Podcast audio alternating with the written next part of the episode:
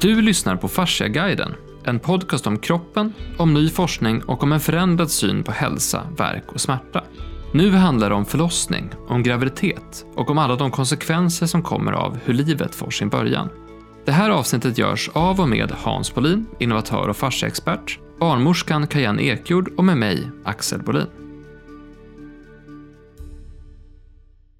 Vi avslutade förra avsnittet med att prata lite grann om det här med statistik eller hur man, hur man tittar på kroppen utifrån olika perspektiv och får fram olika svar. Så statistiskt sett så kan jag undersöka en stor grupp människor och så kan jag dra en slutsats av hur några reagerar och hur några inte reagerar. Men vi har ju pratat om vikten av att se saker från ett individuellt perspektiv därför att det finns ju ingen människa som är som, som du Hans, eller som du Ken, eller som jag. Det, jag är ju mm. den enda som är som jag. Mm. Men hur gör man då när man ska försöka bygga upp någon typ av kunskap baserad på individer? Och det här är någonting som vi har kämpat mycket med när vi har tagit fram utbildning. Mm. Och det vi har konstaterat då är att erfarenhet, min erfarenhet och min observationsförmåga och det, mina fysiska upplevelser blir väldigt centrala för hur jag ska förstå och tolka det jag är med om. Så vi eh, pratade om det förra, eh, i de första avsnitten av, av Fasciaguiden också, att det här med erfarenhetsbaserad kunskap är lite nedvärderat i vårt samhälle idag, men vi kanske vill ge det här en liten uppsving. Eh, därför tänkte jag att idag ska vi börja prata lite mer om vad vi har för erfarenheter kring det här. För att när vi pratar om våra erfarenheter, då kan vi prata om vad vi har upplevt och vad vi har varit med om och vad vi drar för slutsatser och tolkningar av det. Mm. Då behöver vi inte heller förhålla oss så mycket till vad som är etablerat eller inte etablerat, vad som är beprövat eller inte beprövat, utan vi kan prata om utifrån våra perspektiv. För jag vet att ni två som sitter här med mig, Hans och Kajan, ni har otroligt mycket intressanta berättelser från er, era liv och era jobb där ni har kontakt med så mycket människor. Mm. Och då tänkte jag så här att vi skulle börja med någonting som kom upp i somras, om du känner att det är det du vill börja med Hans. Eh, det här med eh, vår kund som heter Lilian. Just det. Det var, det var jag, satt, jag, jag skulle upp då, jag skulle ut, vi skulle åka till Dalhalla och höra på Lale. Mm. Och jag sitter i bilen, jag tror jag ringde dig också. Sitter i bilen och det var då en, på ett morgon så var det om en kvinna som hade fått en väldigt våldsam eller tråkig förlossning och hade gått sönder väldigt mycket. Och hade då väldigt problem med allt möjligt. Alltså hon var... Och då, då vinklingen var egentligen att det fanns ingen huvudman man kunde gå till och klaga. Men jag visste ju då att det här är ju vanligare än vad man tror, att man är felsydd. Så jag ringde in till P1 Morgon. Alltså, det här är ju, vad, vad bra att ni tog upp det här med förlossningar för det är någonting som är, man borde kunna titta på ett annat sätt. Alltså syr man ihop en kvinna fel eller spricker de så det, förmodligen ska de inte spricka alltså vid förlossning. Eh, om man gör på rätt sätt, alltså om det, om det går på rätt sätt och man har sett till att allting är så bra som möjligt så, och det går, så, så ska det förmodligen inte gå sönder så mycket. Jag måste fråga, jag som är lite färsk i det här, nu pratar om sprickor, det, vad är det som när, spricker? När, när, när, barnet ska, ja just det, vad är det som spricker? Jag har ju varit med på två förlossningar så det är inte så att jag är världens bästa på det men, men det är ju att, vad är det som spricker? Det, det spricker i... Ja, du har området mellan slidöppningen och ändtarmen kallas för mellangården. Och det är där som de flesta skador sker. Sen kan även blygläppar som är då, om det är klitoris och sen har ni blygläpparna som går, att de kan gå sönder. Och ibland, extremt sällan, så, så släpper en blygläpp till exempel. Och det är i alla fall en av våra... Alltså, så man, så man pratar alltså om sprucken mellangård. Mellangården spricker. Ja. Oftast är det som spricker. Och, och det, den syr man då ihop. Den syr man ihop. Och, de, och då var det en, då var det en, en, en, eh, en kund till oss som heter Lilian. Och hon, hade, hon har fem barn, jättetrevlig tjejkvinna och hon tycker, ja, jätterolig Och så sen hade hon hört att man kunde vara felsydd. Mm. Så att hon eh, hade hört om en, en, kvinna som heter Eva Fornell och eh, hon hade då den här forskningsrapporten tror jag gjord ifrån 92 eller något sånt där, det är ganska länge sedan. Men hon alltså har, Eva Fornells rapport? Ja. Hon, har, hon är överläkare på Linköpings eh, universitetssjukhus och hon har då undersökt 183 patienter. Mm. Och alla var felsydda. Ja, jag tror det. Och, och då har ju, hon har ju fått barn efter det här 92, alltså mm. den här mm. Lilian. Men det hon gjorde då, och det som händer då, och det är ganska lätt om man tittar på ett fysiologiskt perspektiv, om allting ska vara i balans. Om det säger att om det blir för trångt eller det blir fel, mm. då är ju spänningen i fascian, i hela strukturen, den kommer ju dra åt något håll istället mm. för att den är utan spänning. Så att det hon gjorde egentligen, hon tog ledigt en sommar, förra sommaren var det. Och ringde då till Naria Fonell och bokade in att hon skulle få kolla om hon var felsydd. Hon var felsydd. Och sen så sydde de henne. Och det tog, ja det var ingen jättejobb, alltså ingen en halvtimmas operation och sånt där. Och det som häftigt, Det var inte jobbigt? Det var inte jobbigt Nej. alls. Det var inte alls märkvärdigt att göra det. Mm. Och det som hände efter det så hade hon inga problem alls med sin, med sin rygg, med sitt bäcken utan det vart allting. Så hon gick och brukade gå till en osteopat och sa du, du är ju inte sned, vad är det som har hänt? Och det var ju någonting som jag ville prata om då för P1. Så jag ringde upp, jag ringde upp henne, skrev upp en pressmeddelande, och, eller en, en, en grej till det. Jag tror jag även refererade till dig mm. eh, om mhm. det där med att vi skulle, man kan också ha smärtlindring på ett annat sätt. Mm. Och så ringde jag och pratade med Studie 1, men det bara försvann. För det var inte, inte intressant att ta upp. Men det som egentligen Eva Fornell hade visat det var att alla är felsydda nästan. Mm. Som har spruckit. Och då kan man säga, hur många är det som spricker? Och jag har ingen svar på det, men, men jag tror att det är väldigt många som gör det, som ja. får komplikationer. Mm. Och det var i alla fall det man sa också ifrån, ifrån Bäckenbotteninstitutet i Berlin.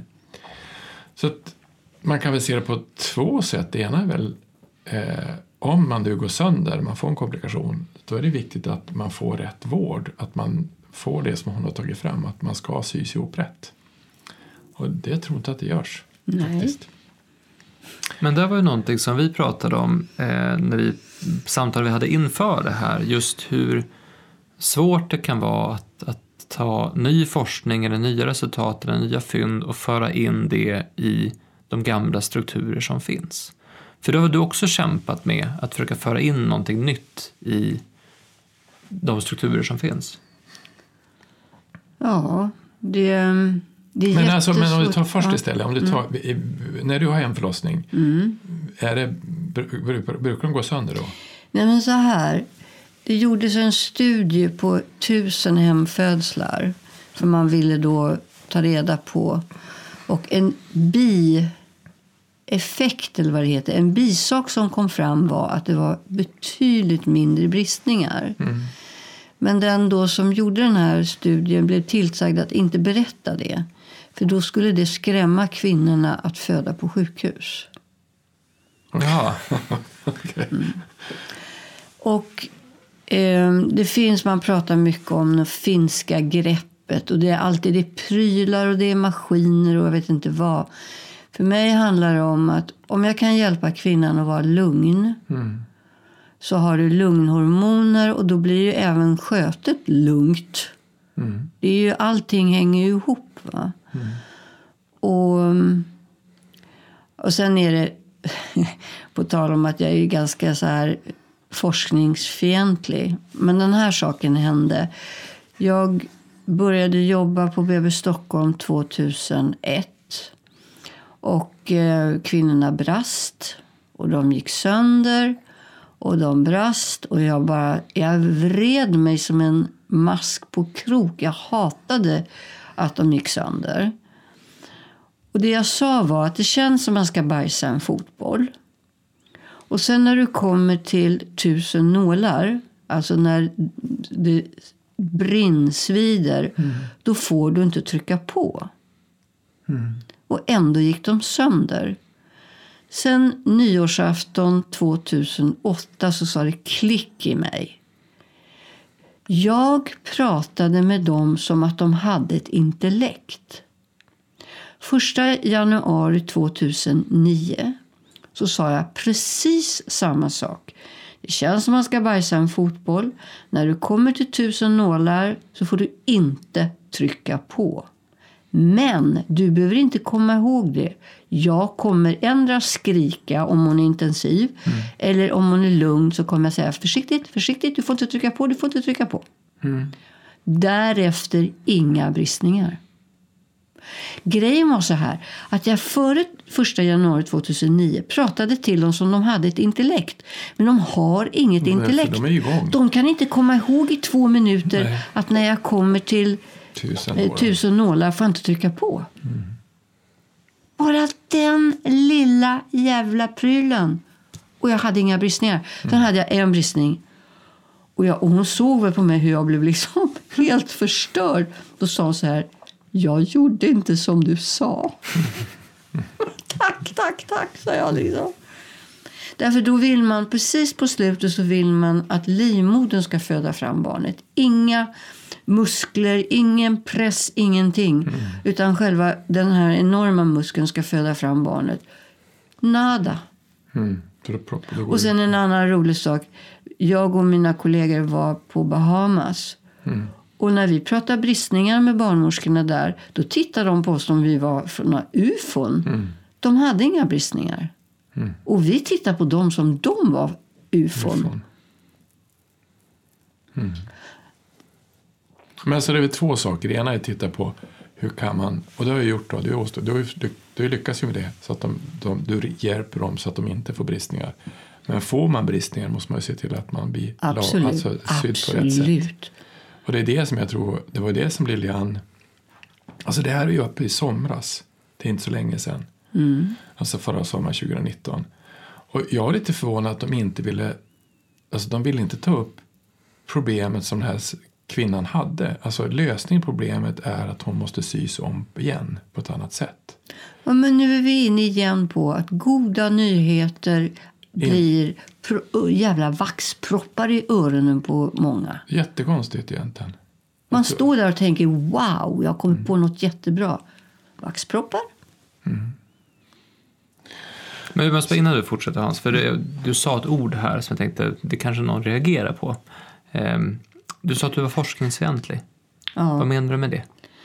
Ja, men jag, som jag sa tidigare, man kan inte forska på humant material. Att klumpa ihop hundra kvinnor och sen säga att det är normalt inom ett visst spann, nej. För din erfarenhet är att alla som har fött är egentligen olika? Exakt, det är det som gör att det fortfarande är roligt efter 45 år. Men det är, det är fascinerande va? att liksom att försöka komma på vad är bra just med den här kvinnan och hur kommer hon att föda och så vidare. För så där är det lite att behandla kroppar också. Att det finns vissa, ja. det finns vissa eh, det mönster finns vissa som mönster som finns. Lika, men alla är unika. Men alla är olika. Och det gör ju att det alltid blir kul. För det är alltid någonting som är lite annorlunda ja. än förra gången. Det är aldrig, du gör ju aldrig exakt samma mm. behandling egentligen på en person. För alla personer är individuella. Men då, egentligen så egentligen är inte du forskningsfientlig utan du är, du är fientlig mot tron, alltså tron på att forskningen, vetenskapen är den enda sanningen. Ja, det är precis som att det, det är den nya, evidens är den nya guden. Mm.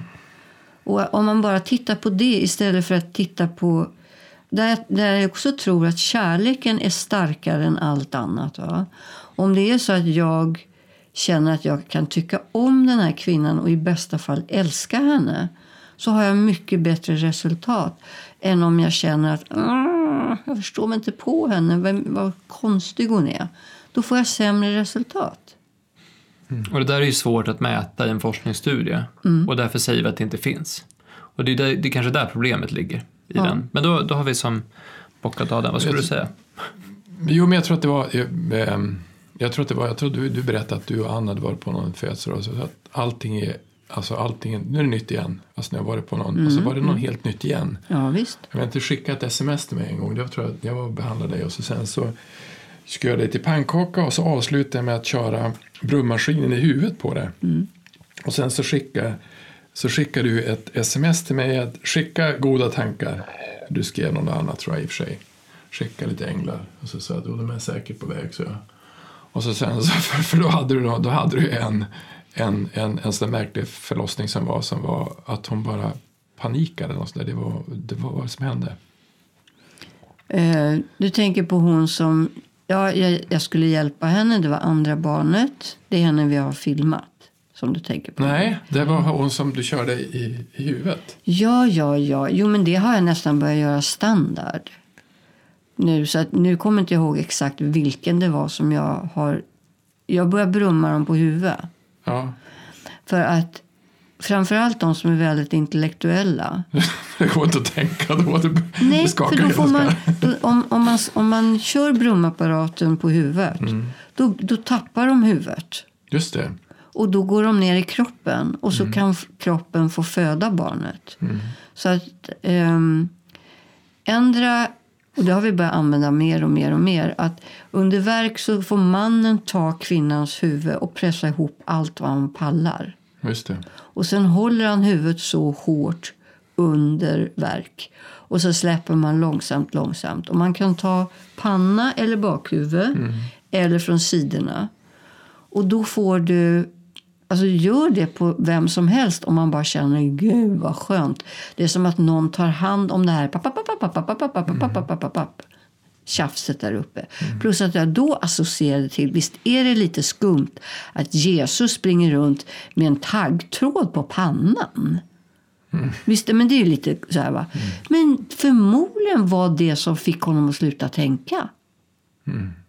För att, jag har en kompis som är akupunktör. Jag skulle vilja att de satte nålar precis så där runt. Man kanske blir helt lugn då. Man springer runt där med ett kors. Ja, jo, men visst är det fascinerande. Varför Ja, hade han ja. det runt huvudet? Hade de andra, de här som de hängde hade- vid sidan, det de andra hans krona, snubbarna? Det var ju hans krona, Törnekrona. Just det. Fast Törnekrona har ju, just det, men det får ju en annan kroppslig betydelse också. Ja. Och, och, alltså det är jättefascinerande det här med... Och, och kvinnorna liksom tryck hårdare och, och så sitter de liksom i... Och man, de flesta män har ju ganska bra muskler. Och då pressar de bara ihop huvudet på sin lilla fru. och frugan blir jätte... Ja, det är Vi ska höra vad, vi ska höra vad Åke säger om det.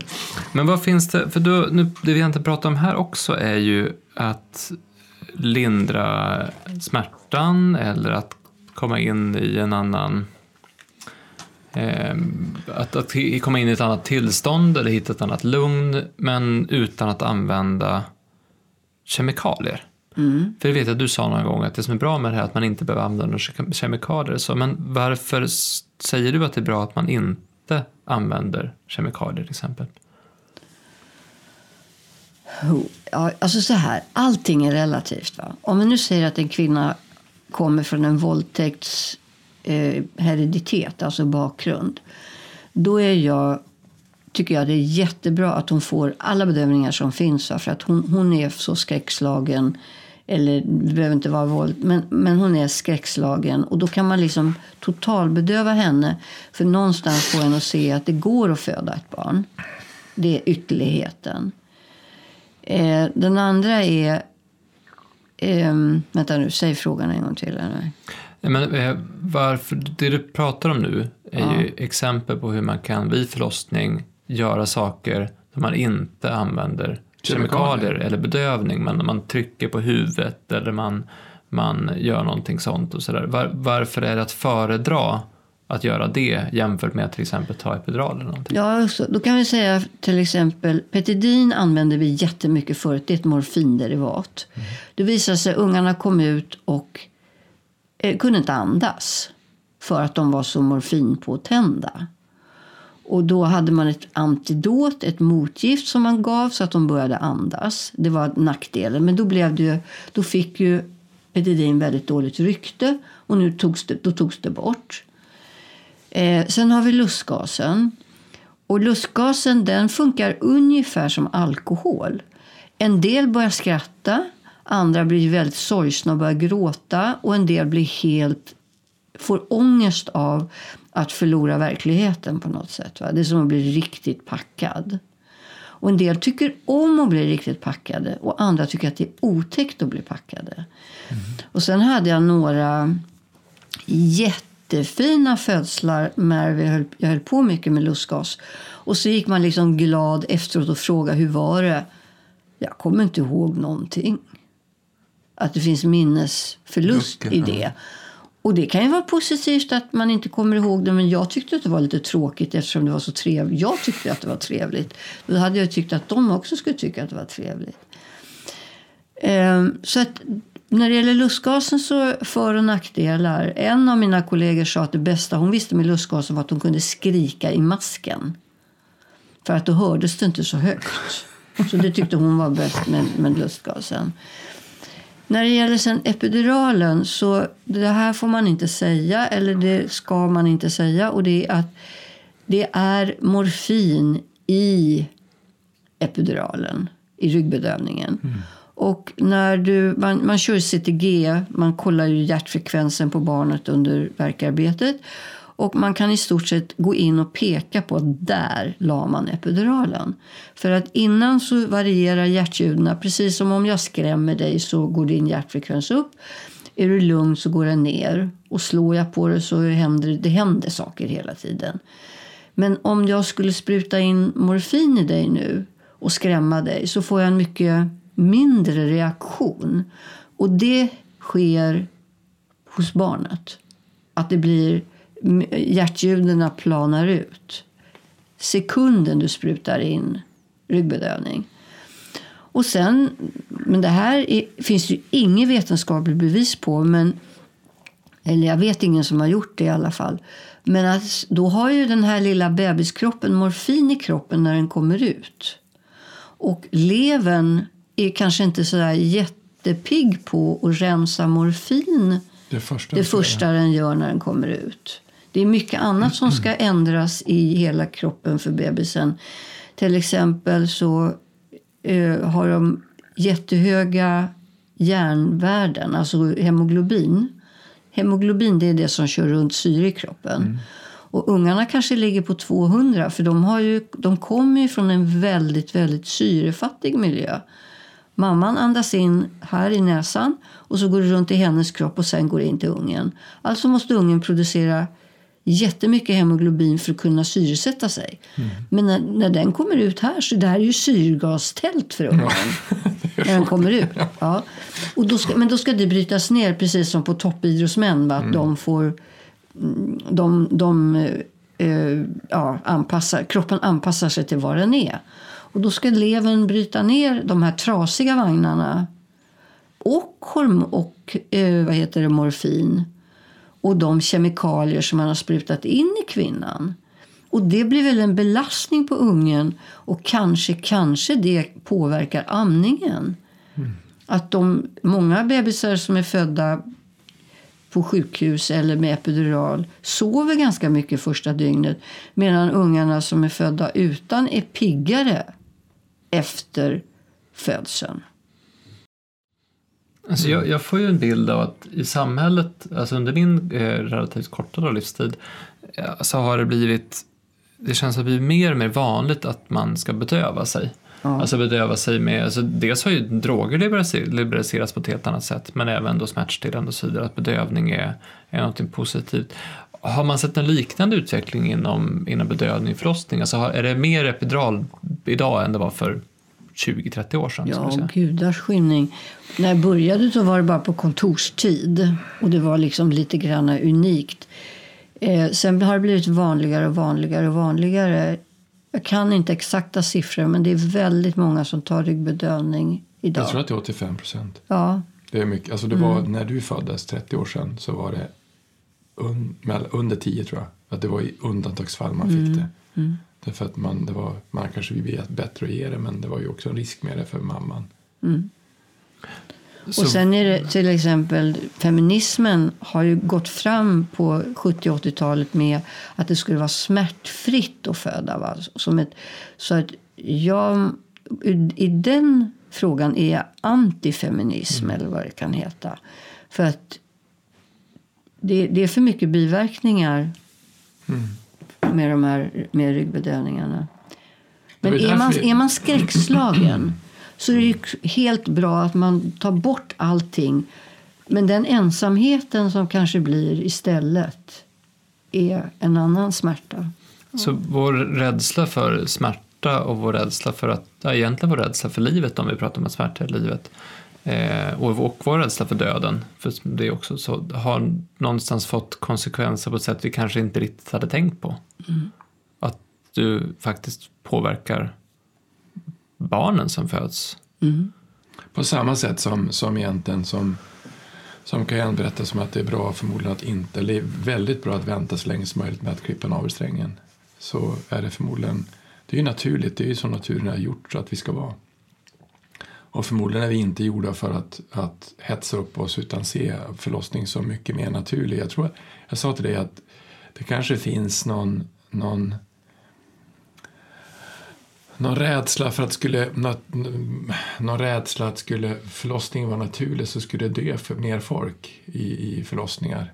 Eh, för att det gjorde det förut för 100 år sedan eller 200 år sedan. Det kanske ligger kvar fortfarande. Mm. Ja. Men du, inte, det händer inte så mycket komplikationer.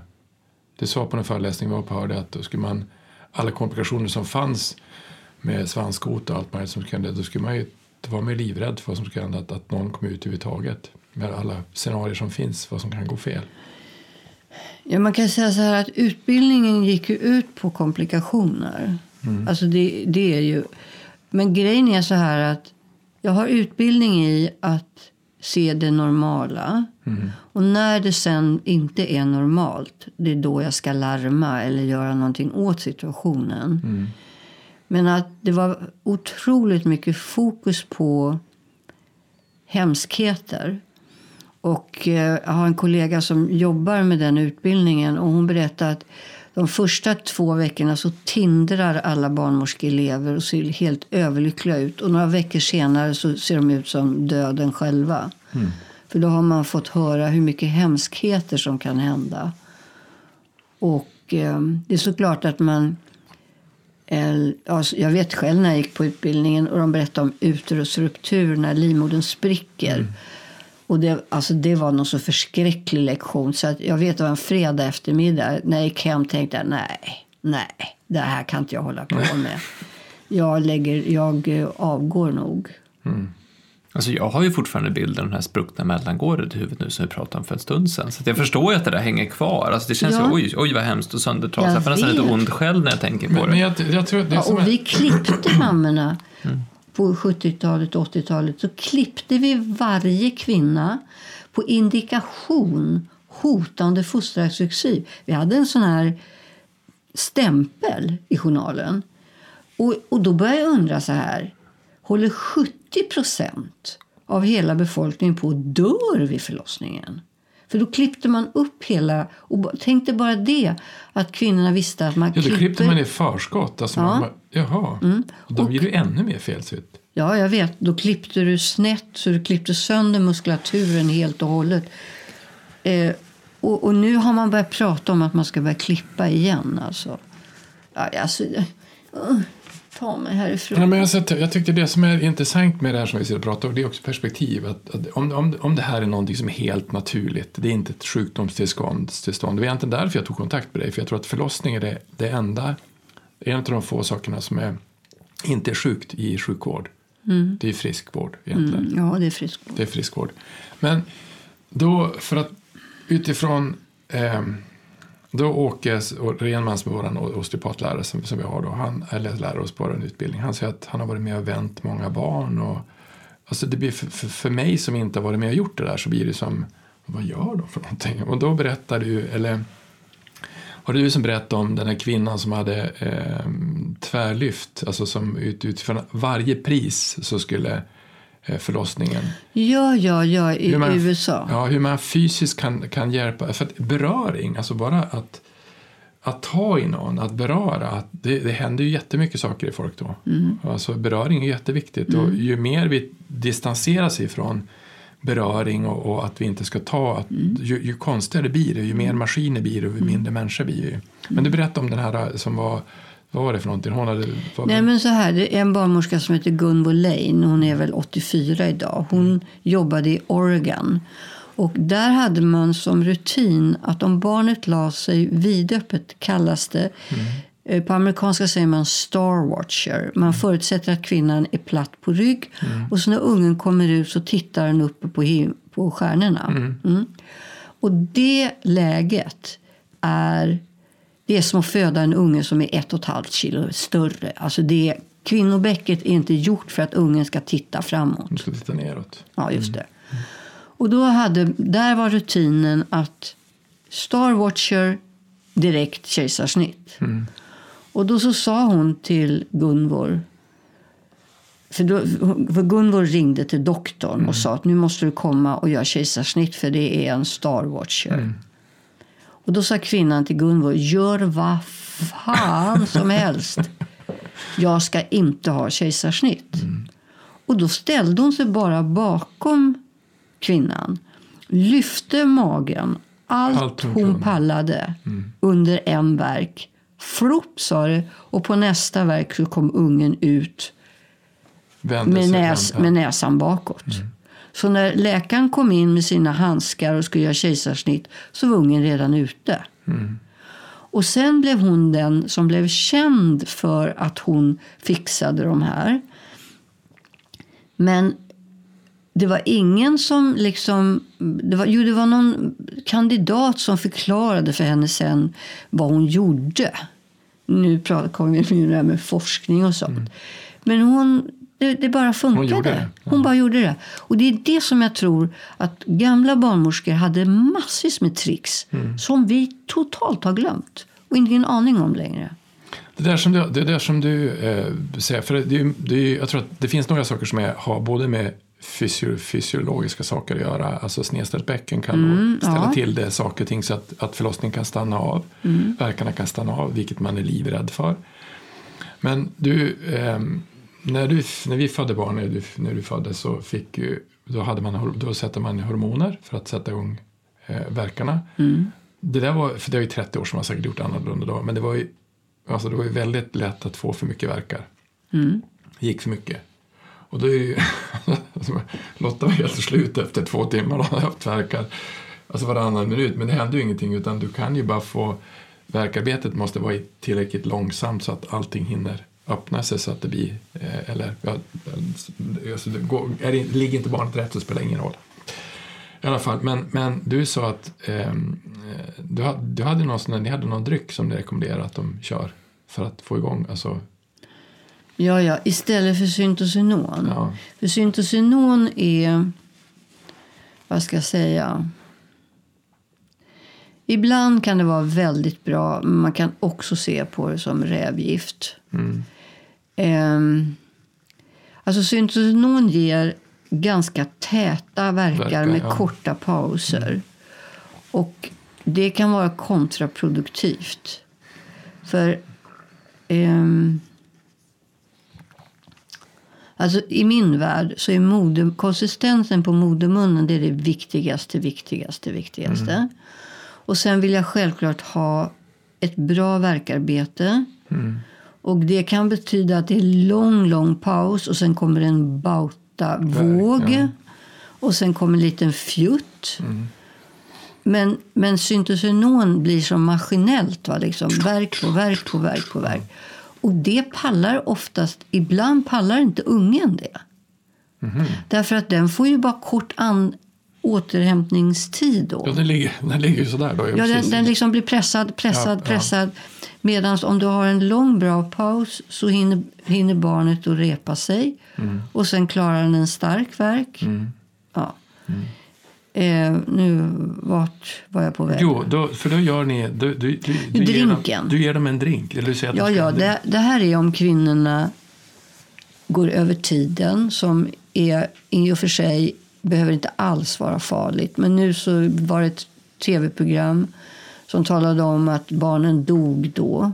Och det grundade sig på två fall. Det som är intressant när jag såg det programmet var att båda kvinnorna hade velat bli igångsatt. Den ena och den andra ville ha kejsarsnitt. I det här fallet lyssnade du inte på kvinnan. Och båda barnen strök med. Den, den kvinnan som... som ehm, hon hade varit inne tror jag, fyra gånger och bett att bli kejsarsnittad. Nej. Och jag blir så förbannad. Så på de här två kvinnorna... Så har sätter man nu- igång alla nu Just det, nu kommer vi in på forskning. Två- Så nu ska alla sättas igång i vecka 41. Mm. Vilket för vissa blir tyder våldtäkt. För då är inte modermunnen tillräckligt Nej, precis, mogen nej. för att klara av. Och sen kör man det här syntet då. Och då pallar inte ungen. Och Mm. så gör man kejsarsnitt. Och sen åker den mamman hem och säger ja, jag hade dött. Eller han eller hon hade Mm. dött om jag inte hade varit på sjukhus. Det är ganska grymt. Morr. Ja. Drinken kommer ifrån, ifrån Tyskland där man har gjort en studie, inte helt, inte helt fientligt inställd, på tusen kvinnor.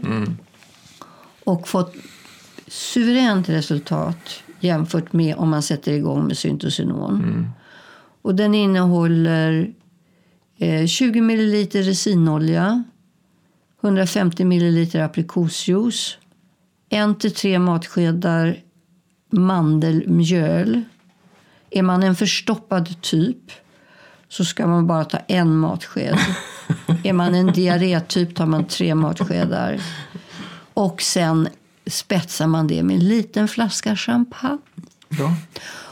Och då är det så här, resinoljan omvandlas till prostaglandin. Och det blir hormoner som är väldigt gynnsamma för förlossningen. Och då får du ett så kallat naturligt värkarbete. Inte sån här värk på värk på värk på värk, på värk utan en stark och en liten fjutt och en mittemellan och så här.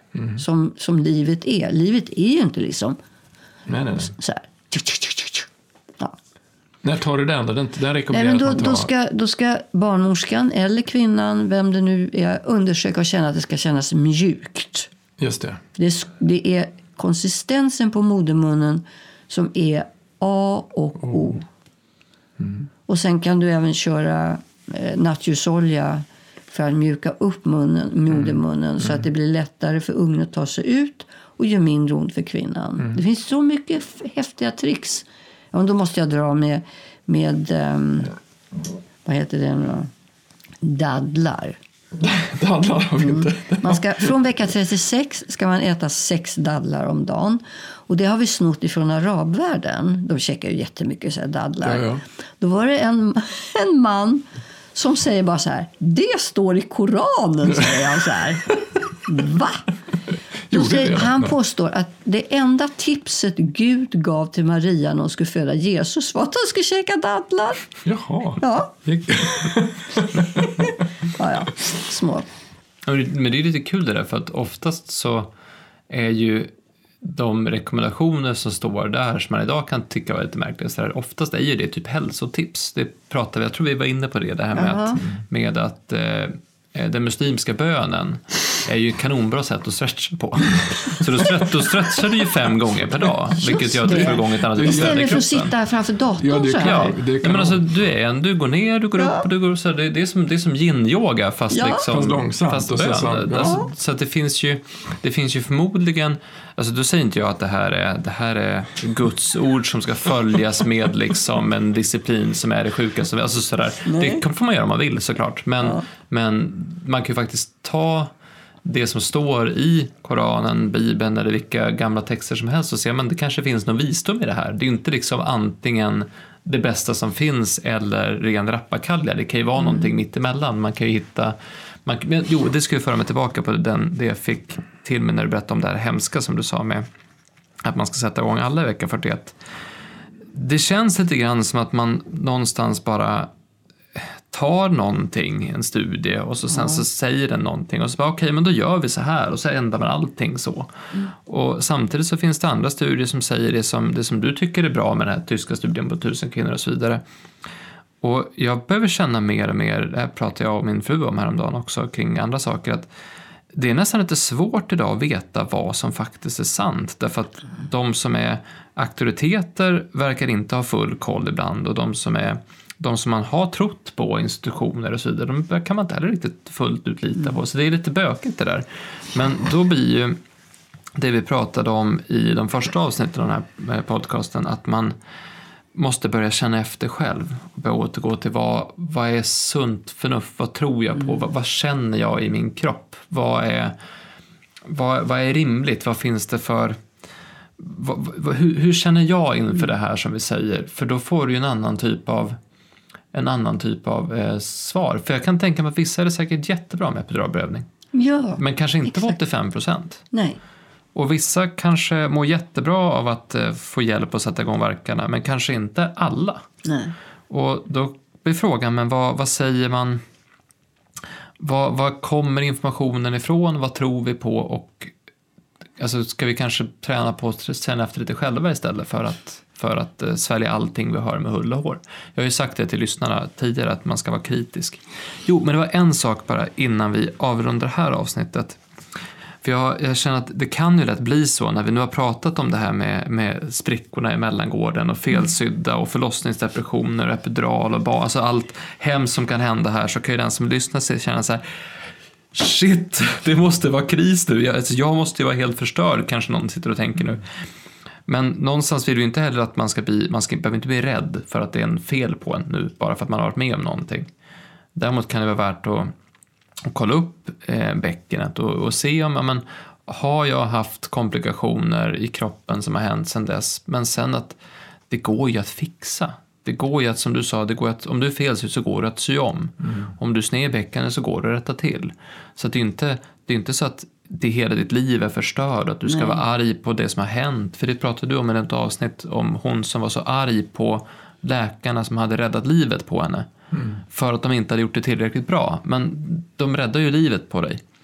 Du fick ju, föd, du fick ju föda din son eller din dotter. Du, du har ju, det har ju ändå hänt positiva saker också.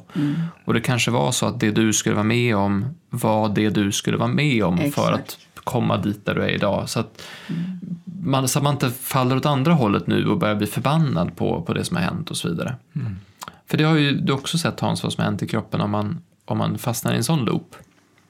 Alltså det, det, om jag vill att folk ska byta perspektiv, alltså om man är fast i någonting, alltså så, där, så brukar jag säga åt dem så att om de är fast, det är egentligen att vara fast i någonting, det är som att vara fast i en, en, en, en loop, en tankeloop.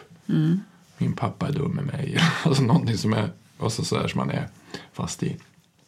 Som det kan vara vad som helst. Det kan vara eh, jag hade ingen bra uppfostran. Eller vad som helst. Det är ju bara en loop som är runt. Eller jag kommer aldrig må bra för att min förlossning var hemsk. Någonting så. Och då, då, då när man gör det så sen så då brukar jag säga, ja, men ska vi släppa den nu för den är så jobbig att tänka på hela tiden. Och så sen så kan vi ta, för den är ju, den är ju hopplös oftast, lite mörk energi och lite någonting som är, är att enahanda. Så då brukar jag säga till alla, kan du tänka på det var det häftigaste som hänt i ditt liv? Och då brukar det alltid komma mina barn. Eller mitt bröllop. Eller, alltså när man är kär, när man, man får uppleva kärlek. Och det största ögonblick som de flesta kvinnor är med om det är förlossning. Jag tänkte, för det här blir eh, det sista avsnittet vi spelar in. Eh, Så jag tänkte snabbt bara eh, fråga dig, Kian. Vad, vad tyckte du om det här? Och var det någonting speciellt du tog med dig från det här, det här, den här inspelningen? Nej, jag, kan, jag kan känna en viss eh, hjälplöshet. För att jag menar, det är, så, det är så stort det vi har pratat om och det finns så många infallsvinklar. Och att det är, ibland är det svårt att uttryck, uttala sig överhuvudtaget för att, eftersom det är så olika för alla människor. Eh, men samtidigt tycker jag det är kul att säga saker som man inte får säga. Det tycker jag om. Ehm, och sen så är jag som sagt vad jag är fascinerad av det här med fascian eftersom det har inte funnits i min verklighet eller överhuvudtaget. Och jag tror att Hans han har varit tvungen att tjata på att bäckenet har påverkan i hur barnet kan ta sig ut. Alltså. Förstår du? att Han har säkert sagt det ett par hundra gånger. För, på tal om att ha proppar i öronen eller cement. Då är du ändå ganska öppen. Ja, person. exakt. Ehm, och, och sen det här intressanta hur man kan avlasta barnet. Det skulle jag vilja få mera handgriplig kunskap, så att säga. Ehm, och sen finns det en intressant, jättehäftig... If you have seen You can't unsee. Just det. Den är så jävla bra. va? För att om jag kan få se på riktigt hur, vad som händer, förstår du? För du, till exempel, du ser ju på en människa om bäckenet är snett eller inte. Och för, jag är helt blind. Jag ser inte det. Jag kan känna när jag blundar. Kan jag känna hur det är.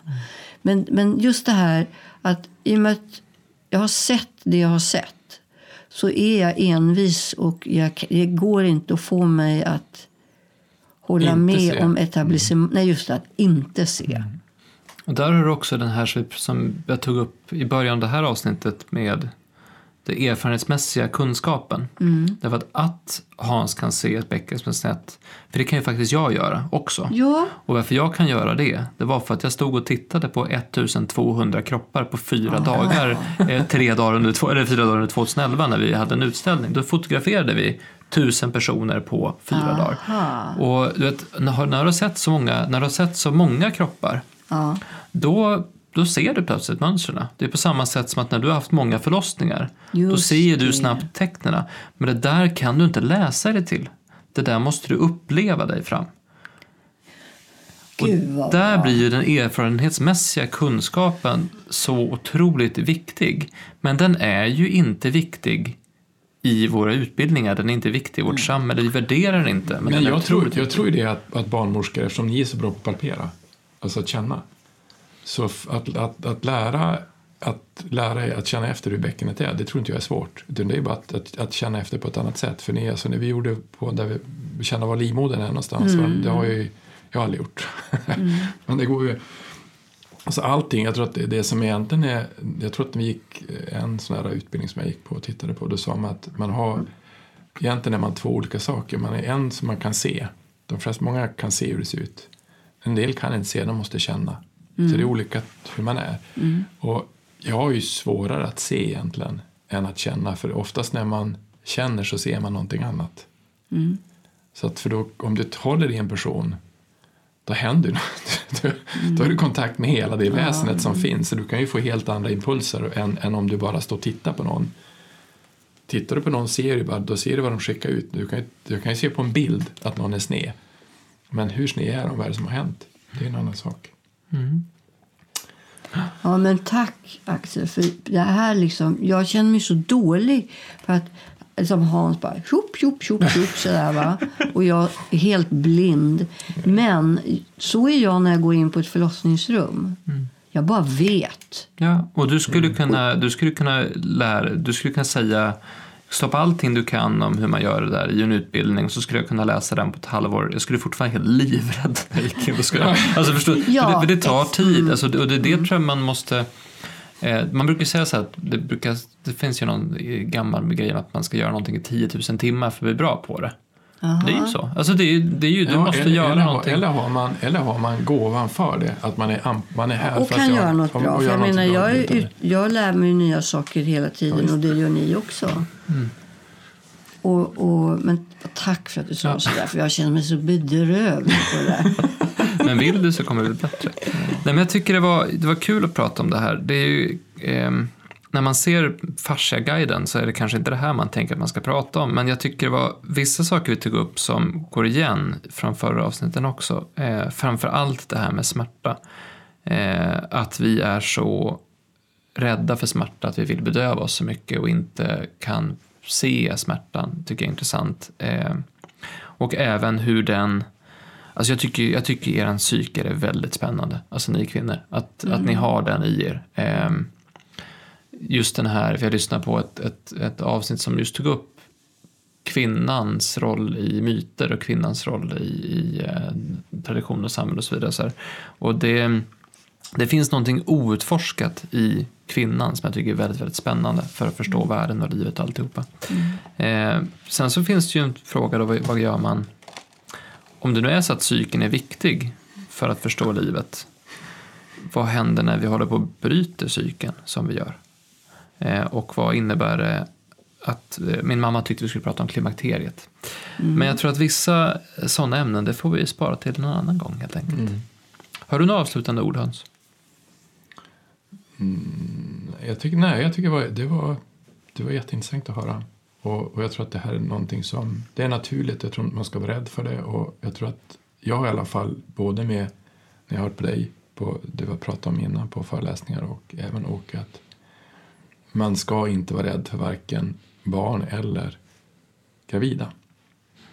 Vilket är ganska märkligt att vi ska vara, att vi får inte behandla, det, det, det är något konstigt i det egentligen. faktiskt. Ja, just det. Att inte ni som är kvacksalvare.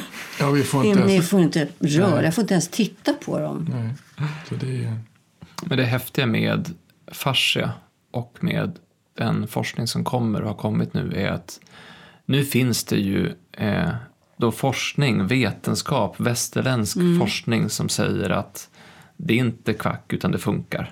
Bra. Eh, det finns ju en studie som vi, som vi Åke gick igenom som är en osteopatisk studie på vad är, 420 stycken. eh, ja, men något sånt där. Lunginflammation, är det den du menar? Nej, det är, nu ska vi se. Den, jag kan, den heter Osteopathy as a therapy during pregnancy. Jag skrivit av Nister et al. Eh, Det är 70 stycken mödrar i två grupper, så det är en, det är en randomized study. Eh, och då fick den ena gruppen osteopatisk behandling efter trimester 1, 2 och 3 och kontrollgruppen fick ingen behandling. Resultatet var att förlossningen tog i genomsnitt 4,7 timmar för den första gruppen, men 7,7 timmar för den andra. Så förlossningen blev snabbare när de fick osteopatisk behandling under trimester 1, 2, 3. Och smärtan som mättes i VAS-skala då, eh, det var 37 procent lägre smärta för eh, den första gruppen som fick behandling. Och barnen i kontrollgruppen hade något lägre syresättning efter förlossningen som mättes med blodprov. Så det finns, det finns studier på det här Jo, också nu. Så här, just det. Och för mig är det självklarheter. När jag hamnade på bänken första gången så var det liksom bara, jag är övertygad. Jag behöver inte hålla på och läsa några studier, förstår du? För jag vet i min kropp vilken effekt den här behandlingen har. Och, och det gör mig bara wow. Liksom. Och det, där skulle jag nästan, för du sa, att, du sa ju nyss att det var, du kände lite så här hopplöshet för det är så mycket. Och där vill jag ändå avsluta med att det finns hopp. För att det, det som vi brukar säga att den här forskningen som har kommit nu de senaste tio åren, den går inte att slå hål på. Det, är, det kommer att bli en förändring, för det måste bli en förändring. Sen om den förändringen tar 5, 10 eller 20 år, det får vi se. Men, men nu vet man så pass mycket enligt de metoder som man använt tidigare att nu, nu måste det här komma igenom.